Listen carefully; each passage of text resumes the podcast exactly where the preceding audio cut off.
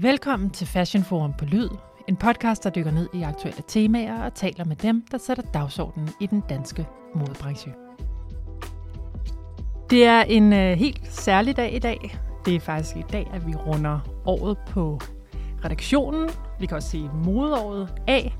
Og det gør vi i den her øh, podcast i vores nye studie her i Store Strandstræde. Og jeg har redaktionschef Sofie Ringved Jensen med mig. Og øh, journalist og podcastretlægger Amalie Tals Ybel. Og sidst men ikke mindst, også vores praktikant Mathilde Heisel. Velkommen, og øh, mega dejligt, at I er med inde i studiet i dag. Tak. tak. Hvis jeg nu siger modeåret 2023, hvad siger I så til mig? Hvad har været nogle af de oplevelser, som rent subjektivt eller som fagpersoner, har været nogle af dem, der har været de største i år? Hvis jeg skal starte, så det, er sådan det første, jeg tænkte på, øh, da du sagde det, det var øh, Mark Tans show, SS24 show i sommer i Glyptotekshaven. Det var ikke det første, Karoline Engelgaard havde været inde over, men det var det første, hvor jeg virkelig fik øjnene op for, hvor dygtig hun er, og hvad det er for en retning, hun gerne vil tage brandet i. Jeg synes, det var så smukt. Det var, det var en stor oplevelse, og det er jo sådan med shows, det er jo tit mange ting, der lige skal spille sammen, før der sker den der helt magiske oplevelse, som der bare engang man gør. Og, og det gjorde det bare den dag. Men i virkeligheden kunne kollektionen sagtens bære det selv, for den var bare så flot. Jeg glæder mig virkelig til at se, hvad hun, øh, hvad hun, hvordan hun vil øh, gå til det videre. Det var fine ord, Sofie, mm. det kan, og jeg kan kun være enig. Hvad med dig, Amalie? Øh, jamen, det første, jeg tænkte på, det var, øh, vi var i Paris og se Cecilie Bansens øh, SS24-show. Så det er ja, også et show, der er mit øh, højdepunkt. Og jeg tror, at det var meget det her med, det er første gang, jeg har været til Paris i modeuge. Og så det her med så at samtidig se et dansk brand, som bare kører der ud af, og hun er bare så sød og bliver altid så rørt selv, Cecilie Bansen, under showsene. Og sådan, det var bare en virkelig øh, fin og smuk oplevelse, synes jeg. Og jo faktisk også noget, som vi lavede en podcast omkring, mm. hvor ja. vi var dernede. Jeg kan sige, noget af det, der roterer rigtig meget for mig, det er både som fagperson, men også som mor til tre piger, er, hvordan vi forventer hele den her tilgang, vi har som til tøj. Det er jo ikke sådan et højdepunkt på den måde, men det er bare noget af det, der fylder rigtig meget i mig. Hvordan får vi sænket farten på vores forbrug og givet det noget mere værdi? Men øh, det er en super svær øvelse, og især nu her i en tid, hvor folk er super presset på økonomien, og vi får så mange inputs hele tiden fra sociale medier, og det er især de unge, der gør det. Men hvis vi lige skal vende blikket mod os selv og noget af det arbejde, vi har lavet på redaktionen her i løbet af året, så var en af de mest læste artikler på Fashion Forum i år den om Naja Munde, der har fået ny CEO. En rolle, som hun selv kan videre til sin salgschef for at kunne hellige sig den kreative udvikling af firmaet. Øhm, og egentlig også sin kreative udvikling af sig selv, tænker jeg. Hun var en af de gæster, vi har haft med i vores podcastportrætter, og øhm, det kan jeg jo virkelig anbefale at lytte til. Men noget af det, vi har talt om sidenhen, vi tog med os, var det der med, at Naja Munde er et bevis på, at man godt kan skabe en succesfuld virksomhed og en, en virksomhed i vækst, uden at man kommer fra penge eller har entreprenørforældre eller forældre, der er i branchen selv. Og der er jo bare rigtig meget snak om det her med nepo baby og lige nu både herhjemme og internationalt. Og det er hun altså ikke. Men det der med, at det er svært at etablere sig, hvis man ikke kommer fra penge. Det var også noget, vi har talt med Amelie Røkkehove om, i forbindelse med, at hendes virksomhed øh, gik konkurs. Og Sofie, øh, ja, det var her i november, og det ja. var noget, du talte med hende om lige der i forbindelse med. Ja, det var måske en af årets største overraskelser i virkeligheden, at et brand som hendes A. Rykkehoved faktisk gik konkurs, øh, selvom det er, jo er økonomisk svære tider. Og ja, jeg, jeg talte med hende i forbindelse med, øh, med, at hun ligesom fortalte det det bredt ud. Og det er jo ikke et særligt gammelt brand, hun stiftede i 2019, men der er bare sket så meget med hende siden da. Øh, hun, hun har selv taget beslutningen, øh, eller så meget, som man selv tager sådan en beslutning, mm. ikke? men hun har ligesom selv øh, trukket stikket, fordi hun kunne se, at det økonomisk ikke, ikke kunne, kunne lade sig gøre at fortsætte. Men hun fortalte også noget af det, jeg sådan bed, bed mærke i. Hun var, rimelig, rimelig, hun var ked af det, men rimelig afklaret. Men noget, jeg bed mærke i, det var, at hun sagde, at det var sådan en meget kontrastfyldt følelse, fordi at hun netop øh, på den ene side har stået med en økonomi, der har været så presset i virkeligheden i al den tid, hun har drevet brandet, men samtidig har fået så meget ros og anerkendelse, og ligesom fået hele tiden gentaget, hvor stort et talent hun er, og hvor meget der ligesom er plads til hende og hendes æstetik i branchen. Altså, hun har jo vundet Karl Lagerfeld Award for Innovation under International Woolmark Prize. Mm. Hun har haft et samarbejde med Geo Jensen. Rimelig stort også for sådan en lille designer. Hun var åbningsshow under SS24 modeugen i sommer. Hun har ligesom bare i år opnået så meget, og hun har været på alle slæber, og så alligevel, så har hun ikke kunne formå at transformere det til en sund økonomi, der har kunne få en virksomhed til at løbe rundt. Og det synes jeg bare, det er jo i virkeligheden ikke overraskende, vi har hørt det før, men det er bare slående, hvordan det er bare en sandhed stadigvæk. Altså, mm. at talent er bare ikke nok. Altså, og det sagde hun også selv, at Ja, at når man ikke kommer fra, fra penge, og man ikke har en pose penge med sig til at starte en virksomhed, så er det bare ikke så nemt. Altså. Jeg synes noget af det, som jeg virkelig også ærger mig over, at det her det ikke lykkedes for hende, det er det der med, at det faktisk er sådan en niche-brand, mm. der har specialiseret sig så meget i en bestemt teknik og et bestemt look, i stedet for at alle brands skal lave t-shirts og sokker og kasketter og basisvarer, for at det ligesom kan løbe rundt. Ikke? Det ville være dejligt, at vi kunne se nogle flere niche-brands. Måske det er også derfor, det netop ikke har været lykkes, altså været muligt for hende at få det til at løbe rundt, fordi hun har været holdt fast i og holdt fast i det. Altså hun har ligesom ikke ville brede sit brand ud til os at lave t-shirts og tasker, der langes over disken som varm brød. Altså hun har ligesom ville lave de her sådan, det her lidt snævre modebranding. Mm. Og det har, hun, det har hun jo nok vil holde fast i, og det er jo egentlig meget beundringsværdigt, men det har jo så været svært at få det til at transformere sig til en rentabel virksomhed. Ja. Desværre, og desværre så er det jo heller ikke den eneste konkurs, vi har set i år. Nej, det er lidt som om, at det er taget lidt til i den sidste halvdel af året, synes jeg, og, og det overrasker delvist, kan man sige. Det overrasker nogle gange om, hvem det er, der ligesom går konkurs, som for eksempel A. Rykke Hove. Men vi har jo også hørt det længe, at tiderne økonomisk bliver bare sværere og sværere. Øhm, mm. Efter dønningerne af covid-19 er ligesom stadigvæk i gang, og bølger stadigvæk ind over branchen og sådan set hele samfundet. Så jeg tror desværre ikke, det er det sidste, vi har set til det. Men det her med, hvis vi lige tager et skridt tilbage til det der med at skulle klare sig som talent, mm. også selvom man får utrolig meget opmærksomhed, det er jo også noget, som en af vores freelance-journalister, Jakob Krabs, har beskæftiget sig med en artikel, hvor han har interviewet Latimier og Tobias Birk Nielsen, og sidstnævnte, som jo også desværre har måttet lukke sin virksomhed. Mm. Han er ikke gået konkurs, men han har simpelthen af personlige årsager valgt at lukke sin virksomhed. Tobias Birk Nielsen har en tragisk familiehistorie. Han har mistet sin kone, og det er selvfølgelig, det informerer jo meget det, der er sket her. Men det er jo også fordi, der er et kæmpe, kæmpe pres, når du som designer skal være multikunstner i en mm. virksomhed. Mm og starte det op, også selvom man har medvind meget af vejen. Og skulle løbe så stærkt og have så mange hatte på, altså det, det er bare ikke for alle. Altså, og det ville være dejligt, hvis der var noget mere system måske omkring, at vi kunne få hjulpet de her talenter videre. Ja, øhm. der er jo i hvert fald noget omkring det med, at vi som branche ligesom hylder dem og gør alt, hvad vi kan for at fortælle, hvor dygtige de er. Mm. Men hvis de ikke formår at ligesom transformere det til en virksomhed, der kan løbe rundt, så kan det jo være ligegyldigt. Så der er jo ligesom et hul der på en eller anden måde, fordi hvis resten af Danmark og verden for den sags skyld ikke får øjnene op for den, så kan vi jo godt stå her i branchen og klappe i hænderne. Men det øh, får jo ikke solgt nogen varer. Nej, og der er jo også hele det der crazy sæsonhjul, som de skal ind i. Og sådan noget. Mm. Der er så mange mekanismer, som bare må være ekstremt hårde, mm. tænker jeg, for et nystartet brand. Men så er der jo også nogen, som kommer frem. Både Tobias Birk Nielsen og Amelie Rykkeho har jo faktisk også vundet Vessel Fed Fashion Prize. Mm. Men og, og hele det her med designkonkurrencer, det, øh, det er jo også noget, vi ser faktisk mere og mere. Og der var det er jo også ude og køre en øh, designkonkurrence, Danmarks næste tøjdesigner. Og det kan vi jo godt sige, det gik lidt blandet. Mm-hmm. Øh, ja. Amelie, hvad det var det, problemet sige. var med Jamen, denne her designkonkurrence for Danmarks Radio?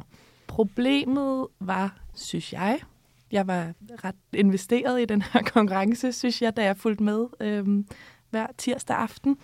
Altså problemet var jo, at konkurrencens rammer ikke formåede at bryde med det her stress og pres og hurtighed og fornyelse. Det tappede fuldstændig ind i, at de her designer, de skulle altså lave et stykke tøj på to timer. Og det skulle være mere kommercielt, det skulle være mere salgbart, og det skulle kunne skaleres op i produktion. Og, og så samtidig så brukkede dommerne sig over, at så var jakken ikke foret. Men altså, det er der jo ikke tid til altså alle, alle, der har siddet og syet en jakke, ved godt, det er ret presset at lave en, en jakke på 6 timer, især hvis den skal være flot foret. Ikke? Og de havde en, en strikdesigner med, og en patchwork-designer, som det to håndværk, der bare...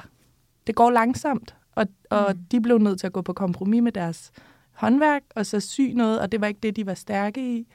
Og så røg de ret tidligt ud af konkurrencen, hvor man tænker, men hvorfor er de så overhovedet med? Fordi da de blev castet, har de jo godt vidst, hvad præmisserne for konkurrencen var. Ikke?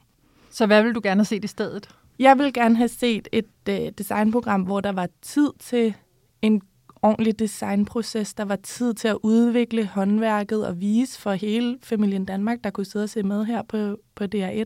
Jamen, hvorfor skal tøj egentlig være dyrere, end det er nu? Hvorfor tager det tid at lave godt tøj, og, og hvorfor skal man kunne fordybe sig i håndværket og netop designprocessen og lige tænke to gange ekstra, før man laver det der tøj, der er helt fantastisk, og som man har lyst til at passe på at bruge resten af sit liv, eller så længe mm. stoffet kan hænge sammen, ikke?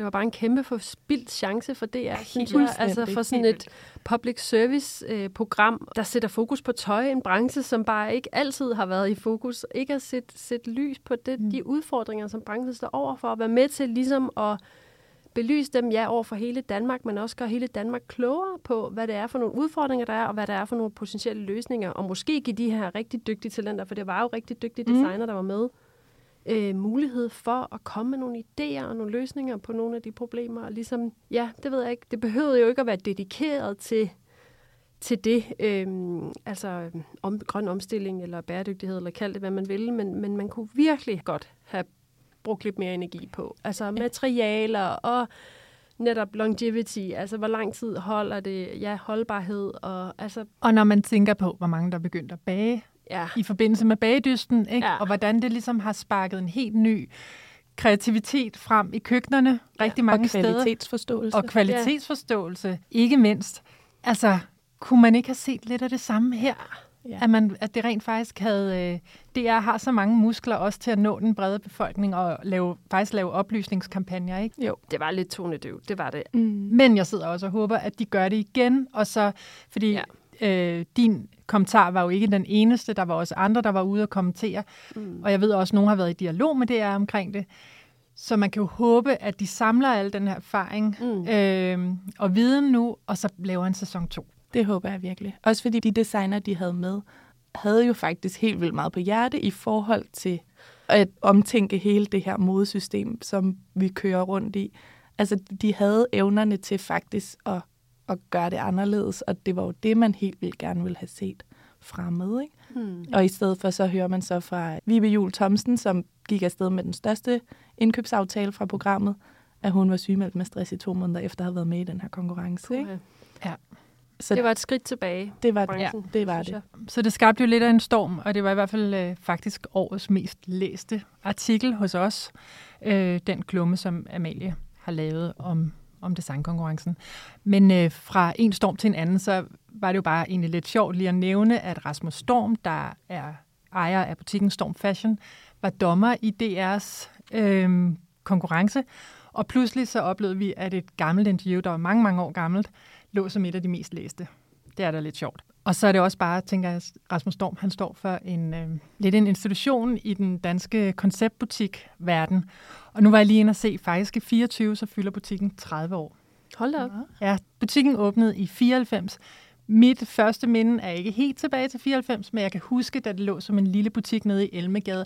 Og jeg kan faktisk huske, at øh, Rasmus Storm gav mig lov til at købe en jakke på afbetaling. Fordi øh, jeg havde brændt mig helt varm på, øh, på en lang, grå, smal blæser, som jeg bare måtte eje, men på ingen måde havde råd til. Så jeg var nede og aflevere 500 kroner i gangen til ham over nogle måneder. Nå, hvor sødt. Det var meget sjovt. Øhm, men altså, og nu hvor Holly Golightly lukkede tidligere i år, mm. så er der bare ikke så mange af de her.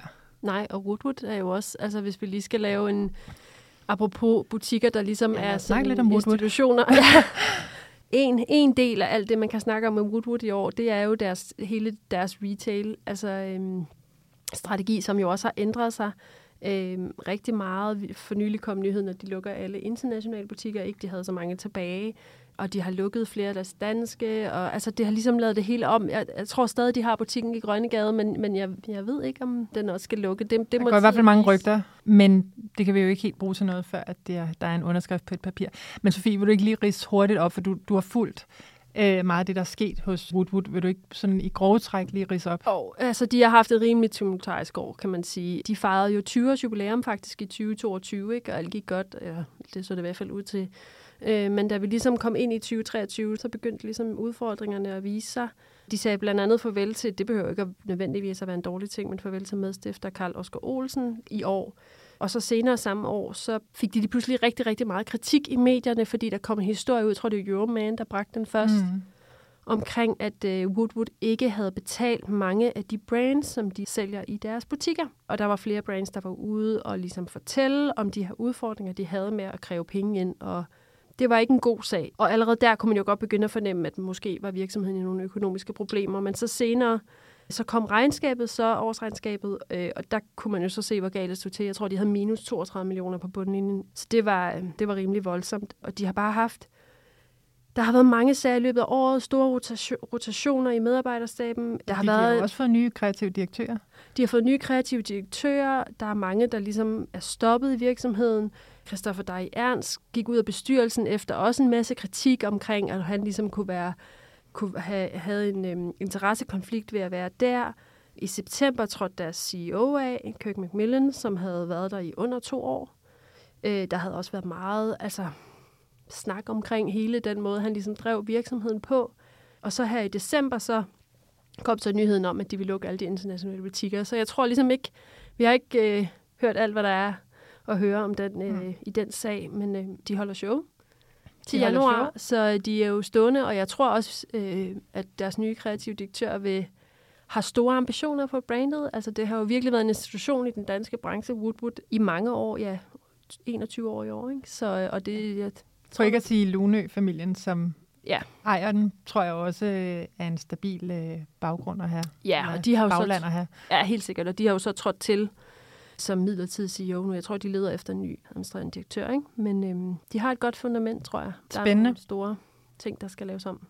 Når man har fulgt dem lige fra de åbnede deres første lille butik nede i Krystalgade, yeah. som var foret med træ, øh, så øh, er det helt klart et brand, som jeg der virkelig ønsker alt det bedste. Jeg håber, de kan yeah. finde et nyt fodfæste. Jeg tror, vi alle sammen hæpper på dem. Det var Woodwood i øh, super korte træk her. Men nu træder jeg altså lige et skridt tilbage til designtalenter og designkonkurrencer, for der er noget, vi lige skal omkring, og det er Vessel Fedt Fashion Prize, den største danske Fashion Award, vi har i Danmark, øh, og det er Nina Vedel Vedelsborg, der står bag. Det er en monetær pris på 300.000, og de nominerede i år, det var Helliot Emil, og det var Saks Potts, og så var det Forza, og Forza er jo et brand, som da vi sad her sidste år, der var de fuldstændig ukendte. Mm. Det er i hvert fald et brand, som har fået utrolig meget opmærksomhed i år, og der kan vi også henvise igen til en podcast, vi har lavet med Christoffer Kongshav, der står bag. Men Sofie, vil du ikke lige rise op, hvilket brand det er? Det kan man sige. Det var jo, en, som du siger, en, et, et brand, der ligesom stormede ind på den danske, i den danske modebranche her i foråret. Og stormede, det er jo nok især fordi, at, at Christoffer Kongshager, som du siger, er lidt af en designer. Han har i hvert fald en international karriere bag sig, som er ret imponerende. Han har boet i New York og Paris og Antwerpen, og han har arbejdet for brands som Langvang, Balmain, Christian Dior Couture og store amerikanske giganter som Theory han valgte så ligesom at flytte tilbage til Danmark for at starte sit eget brand. Øhm, jeg tror, det, eller han fortalte mig, da jeg lavede et interview med ham, at det ligesom har, altid har været en drøm, men han var ikke i tvivl om, at det skulle ske i Danmark. Og det, der har han ligesom været meget bevidst omkring at tage al den her erfaring, både den designmæssige, men også forretningsmæssige erfaring med sig, øh, til at skabe det her brand. Så det er sådan, og så looket er også bare ret sådan sin egen, kan man sige. Han, hans mm. første sådan helt sådan image-kollektion, som han kaldte den, det var bare sådan kun sort nylon. Udelukkende sådan helt tyk sort nylon. Øh, og så sådan nogle showpieces, sådan, det flyttede lidt med noget couture, og sådan, altså det var sådan ret øh, unikt. Nu har han så ligesom udvidet kollektionerne lidt, det ved han så godt forretningsmæssigt er en god idé, ikke? Men mm. øh, ja, det er sådan et ret skarpt koncept, han har lavet. Og han holder også show her til februar, så det, øh, der glæder vi os jo også til at se, hvordan han ligesom folder brandet ud. Ja, det bliver, det bliver spændende. Det, han har ligesom taget nogle steps ret hurtigt i forhold til den sådan proceslængde, øh, det, det plejer at være. Ikke? Altså han ligesom bare allerede blevet nomineret. Han vandt ikke Vestlerfett, men han blev nomineret. Han var allerede aktiv den første modeuge, altså han lancerede i foråret, den første modeuge i sommer i august, var han på eventkalenderen. allerede moden efter. Nu den, der kommer til januar, er han på showkalenderen. Altså, han har ligesom formået at springe noget, noget over, kan man sige. Ikke? Han har sprunget nogle led over, som han jo så til gengæld har taget det er det. på en international bane. Men som du også lige fik sagt, Sofie, så var det jo faktisk ikke ham, der vandt Vessel Fed Fashion Prize. Det var jo Saks Potts, som har omkring 10 år på banen. Og noget af det, der blev fremhævet nu, jeg kan godt sige, at jeg selv sidder med som en del af juryen, noget af det, der blev fremhævet, var også, hvordan de ligesom har formået at ændre brandet med tiden, så det ligesom følger med tiden, og justeret sig ind på et fokus, der er langt mere på en langtidsholdbar æstetik og klassiske styles, og det er skjorter og denim og en god tweet. Og det er jo faktisk noget, der, der resonerer meget godt med tiden, og som vi jo også har set rigtig meget for den her quiet luxury trend, som jo har fyldt ret meget. Mm. Med, øh, som er sådan så luksus, at man faktisk ikke kan se det, hvis du ikke ved det. Mm. Utroligt dyrt tøj. Meget drevet af, vi så Gwyneth Paltrow, der var i, i retten. Hun var virkelig, blev virkelig et forbillede på den her sag, og så jo også øh, tv-serien Succession. Og så ligger det jo også lidt i tiden måske, det her med, at vi ikke har lyst til at råbe nye trends til himlen, hele tiden i hvert fald at vi godt vil have lidt afdæmpet, fordi vi er jo super påvirket af at være i krig. Der er krig hele vejen rundt omkring os. Vi er lige på bagkanten af en pandemi. Øh, der er recession. Det er måske ikke lige tiden, hvor man skal skrige forbrug. Vi Ej, så også kan... Phoebe Philo. Ja, det er rigtigt. Og jeg ved godt, den er dobbeltsidet, men det kan vi lige komme tilbage til. Ja. Men hvis vi nu lige øh, nævner en som Phoebe Philo, som jeg også ja. ser går ligesom er med i den her Ja, måske det mest længe, længe ventede debut, kan man sige, som kom ja. øh, her i efteråret. Øhm, ja, Phoebe Fejle havde jo sin afgang ved Celine i 2017. Siden mm. da har folk jo bare sådan sukket efter hendes design. Altså, det, er jo, det har jo virkelig været noget, som øh, mange kvinder har, har ligesom sådan svoret til hendes måde at designe på. Og så kom den så endelig, den første kollektion i hendes eget navn, A1 hed kollektionen.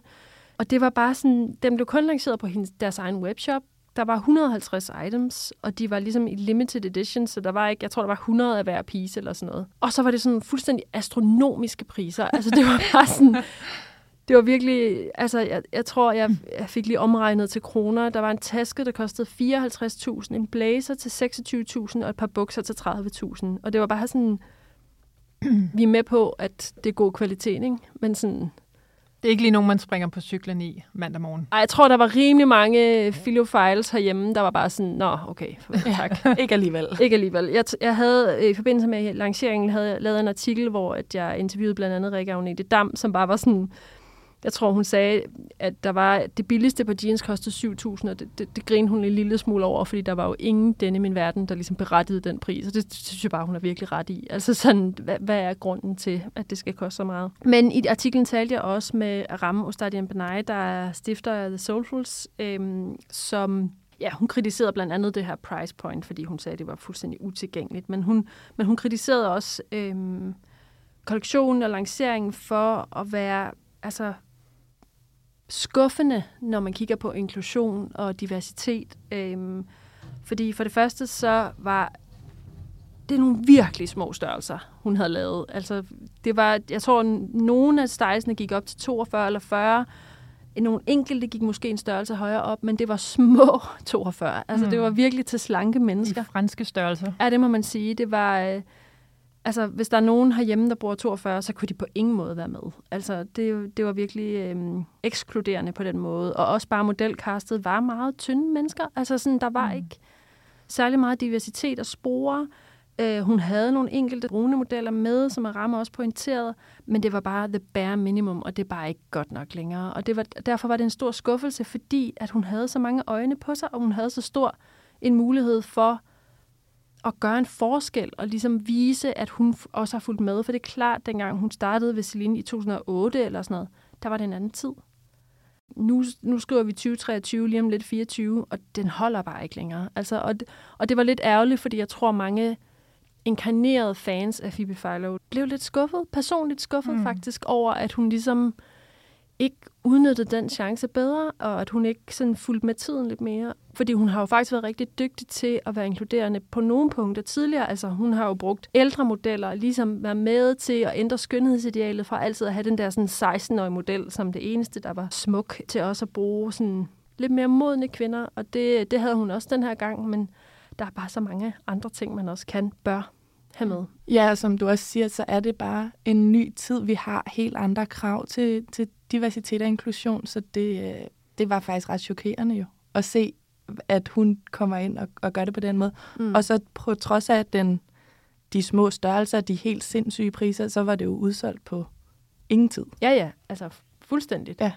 Øh, og det kan man sige, det var jo også måske lidt en af årsagen til, at der skulle være så limited amount, fordi det var også meget lækkert øh, marketingsmæssigt, at, at det er udsolgt. Men, men jeg spurgte blandt andet Rikke Agnete Dam og Ramme om, altså kan man ligesom skabe den samme hype i dag, uden at have de her ting med, som hun har bevist at kunne gøre tidligere? Og der var deres svar der heldigvis, at sådan, det håber de ikke, i hvert fald Ramme sagde, det, det håber hun virkelig ikke, fordi at der er bare nogle andre krav, som du siger, til at ligesom ramme befolkningen i dag på samme måde, og ligesom få den der stjernestatus, som hun jo før har haft. Ikke? Der skal man ikke længere kun være en super dygtig designer, fordi det er der ikke nogen, der kan være i tvivl om, hun er. Mm. Heller ikke efter det nye, øh, den nye lancering. Så vi må vi se. Kan, vi kan håbe, det var nyhedsværdien, der gjorde det. Mm. Ja. Og nu er Quiet Luxury også ved at blive aflyst af outdoor. Quiet outdoor. Quiet outdoor. Ifølge Business of Fashion. fashion ja. Og det er jo i virkeligheden mere end det er quiet luxury, så er det jo i virkeligheden den her gorkår trend, mm. trend med Arc'teryx-jakker og Salomon-sko og hvad har vi? Men quiet. Men quiet. Mm. Og så jo også, tænker jeg meget sådan, altså i tråd med nogle af de værdier, som vi fandt frem under corona, hvor vi netop kom ud i naturen, og vi gerne ligesom ville nyde den og være alene i den. Og den, altså, det er jo blevet meget mere hipt. Mm. Altså, da jeg var helt ung, der var det, altså der skulle helst være asfalt under fødderne. Ellers mm. så, øh, altså, så det der med at søge ud i naturen og, og have en forbindelse med den, det var altså ikke noget, der var øh, øh, særlig hot. Ej. Det var ikke så hot at samle sin egen svampe. Og der blev ikke forageret meget i weekenderne, det gjorde der ikke, nej. Men når vi nu snakker strømning og trends, så kan vi jo heller ikke komme helt uden om Barbiecore. Barbiebølgen, som øh, ramte os med et øh, smask eller hvad? Jamen, det er lidt sjovt, hvordan de, hvordan de der trends kan være så kontrastfyldte. Altså sådan, så er der quite outdoor, og så er der lige Barbie oveni, ikke? Altså sådan, hvad for et hold vælger du ligesom at gå på, ikke? Men, øh, ja. Og der var øh, den store Barbie-film kom ud i sommer, var det ikke sådan? Mm. Virkelig dårlig Juli. film til gengæld. Men øh, den har sat en masse ting i gang, især op til lanceringen af filmen, fordi vi ligesom så Margaret Robbie især i pink, pink, pink. Alle nuancer af pink på alle nuancer af røde løber. Men nu ja. siger du, at det var en dårlig film. Hvad synes du, Amalie? Er du enig i den betragtning? Altså, jeg synes, øh, det, jeg synes, det var en underholdende film.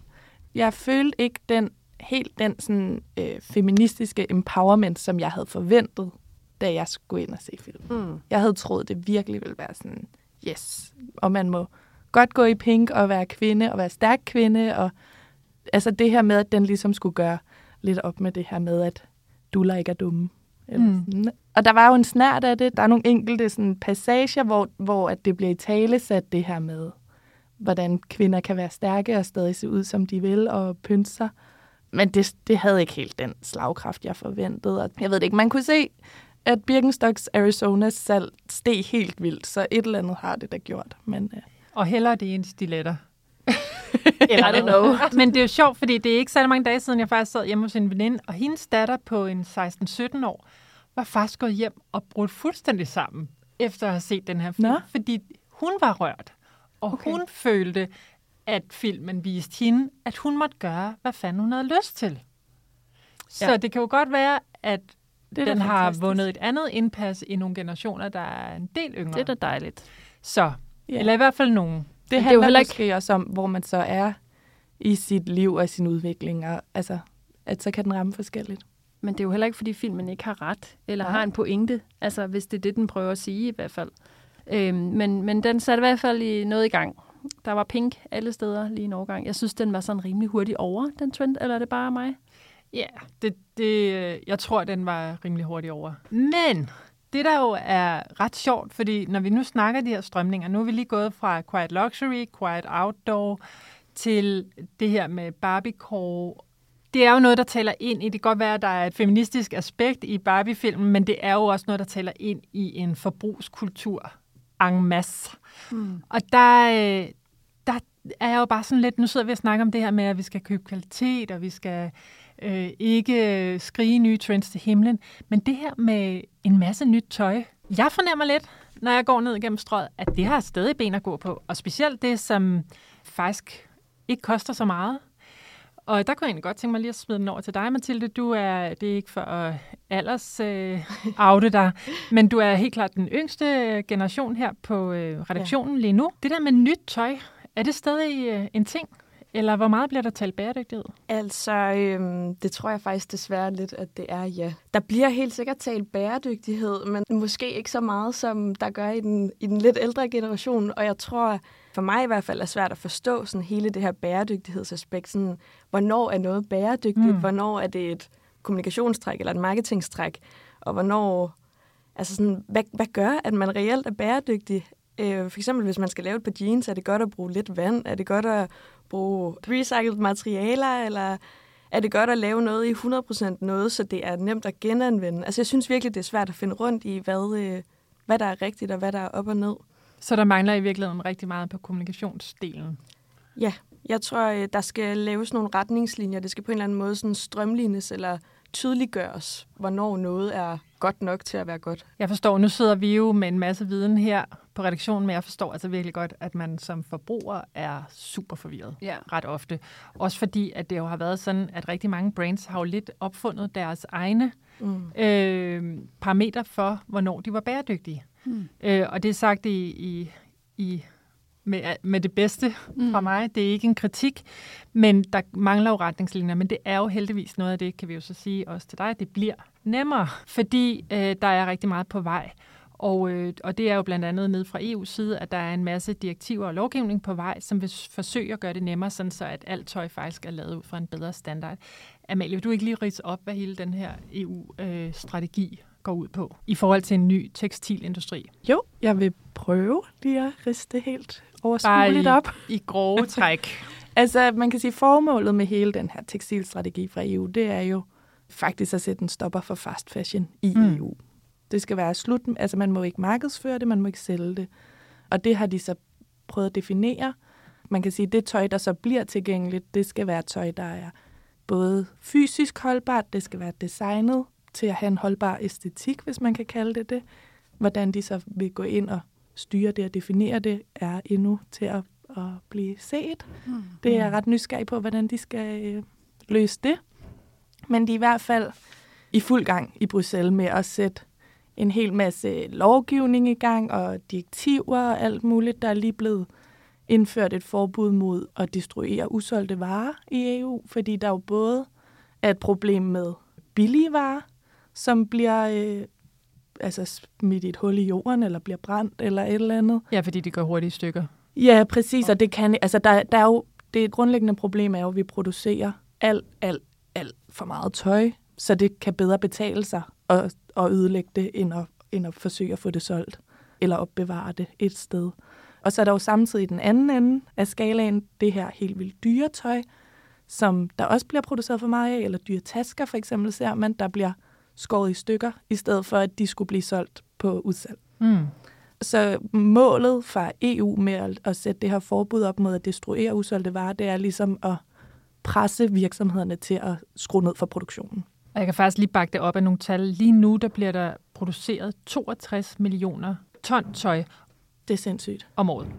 Og det forventer man vil stige frem til 2030 med 63 procent til 102 millioner tons tøj. Forventer man så det uden det her forbud, eller er det før det kom igen?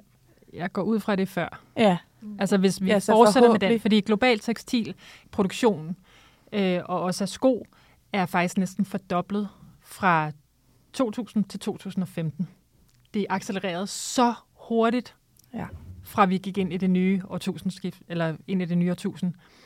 Øhm, og vores forbrug ser bare ud til at accelerere hurtigere og hurtigere.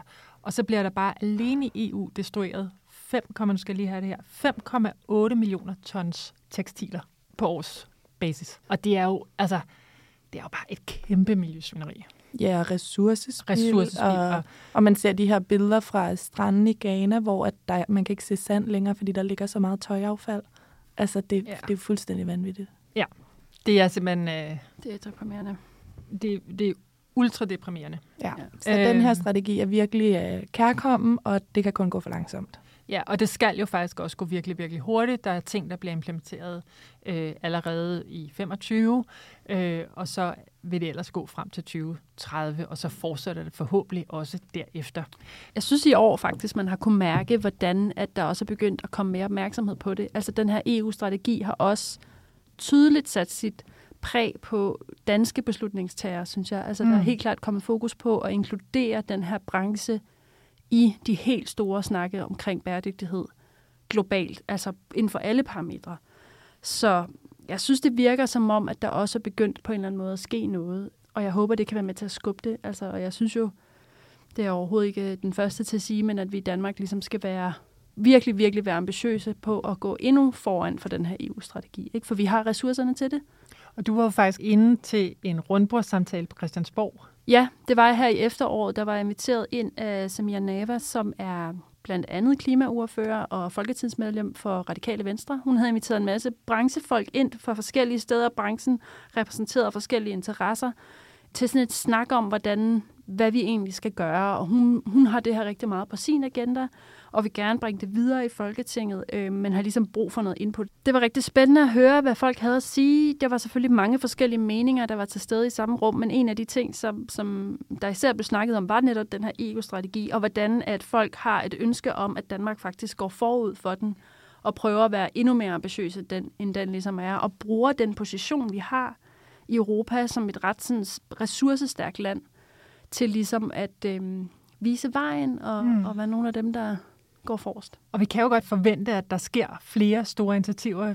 Vi har også lige skrevet om et andet, Amalie. Mm-hmm. Det kan være, at du lige vil... Der har jo lige været uh, COP28, hvor at der var hvad skal man sige, et tema om, at selvfølgelig er der noget lovgivning, der er nødvendig, men at de her kæmpe virksomheder, der findes i verden, også rigtig gerne skal gå ud og tage noget ansvar og, uh, og gå lidt forrest. Og i forbindelse med det blev det så offentliggjort, at en virksomhed, der hedder Copenhagen Infrastructure Partners, de skal bygge en kæmpe havvindmøllepark ud for Bangladesh kyst, hvor bestseller blandt andet går ind og investerer 700 millioner kroner, og på den måde ligesom hjælper med at få bygget nogle vindmøller, så Bangladesh kan operere endnu mere på vedvarende energi. Bangladesh er et ret stort produktionsland for bestseller, så, så det vil også selvfølgelig hjælpe på deres CO2-regnskab i sidste ende, men, øh, men om ikke andet, så er det jo dejligt at få nogle flere vindmøller Ja, det bliver i hvert fald spændende at se. Jeg tror, at man skal øh, have de kritiske briller på, når man også kigger på nogle af de initiativer, der bliver lavet her. Men, men ja, vedvarende energi øh, og vindenergi er jo noget af det, som, øh, som i hvert fald kan hjælpe et stykke af vejen. Vi kan godt lige slå en krølle på, at der skal stadigvæk produceres en lille smule mindre tøj, ikke? Og meget mindre tøj. Det, det må man sige er ligesom ja. over øh, temaet. Producer mindre. Producer mindre, yes. Nu skal vi til at runde af, der er sket alt muligt mere i det her år, og der er sikkert også noget, vi ikke er kommet omkring. Men øhm, noget af det, som også har været sådan nogle højdespringere, jeg læste artikler hos os, det er, når vi har skrevet om, hvad der sker på magasinredaktionerne. Fordi øh, der har altså også været øh, stormvær øh, og øh, nye vinde, der er blæst.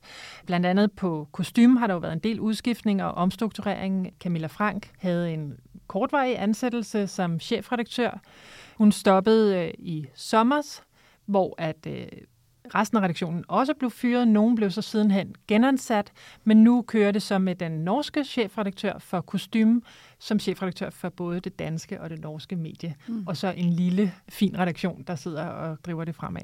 Og så en anden, altså noget, der virkelig sprang øh, op og fik telefonerne til at gløde, det var jo, da Aller her for en lille måneds tid siden annoncerede, at de ikke vil fortsætte deres licens på el. El er jo på licens fra Frankrig, fra Lagardère Group, og det er jo en licens, der skal købes og fornyes. Og lige nu er det mest dråber, der løber på vandrørene i forhold til, hvem der vil kunne overtage den licens, og altså overtage udgivelsen af el. Det er meldt ud fra Frankrig, at man gerne vil finde en dansk ny samarbejdspartner, men hvem det er, det ved vi altså i hvert fald ikke her på redaktionen endnu, men vi følger selvfølgelig med, og det er jo rigtig spændende. Så øh, altså her til sidst, det er jo øh, juletid, ønsketid, nye fortsætter for 2024. Er der noget, I vi glæder os til i øh, 2024, der skal ske inden for vores fagområde, moden? Ja, lidt modsat julegaver, så ville det da være super dejligt, hvis man allerede næste år så nogle øh, produktionsmængder, der blev skruet gevaldigt ned for, synes jeg. Mm.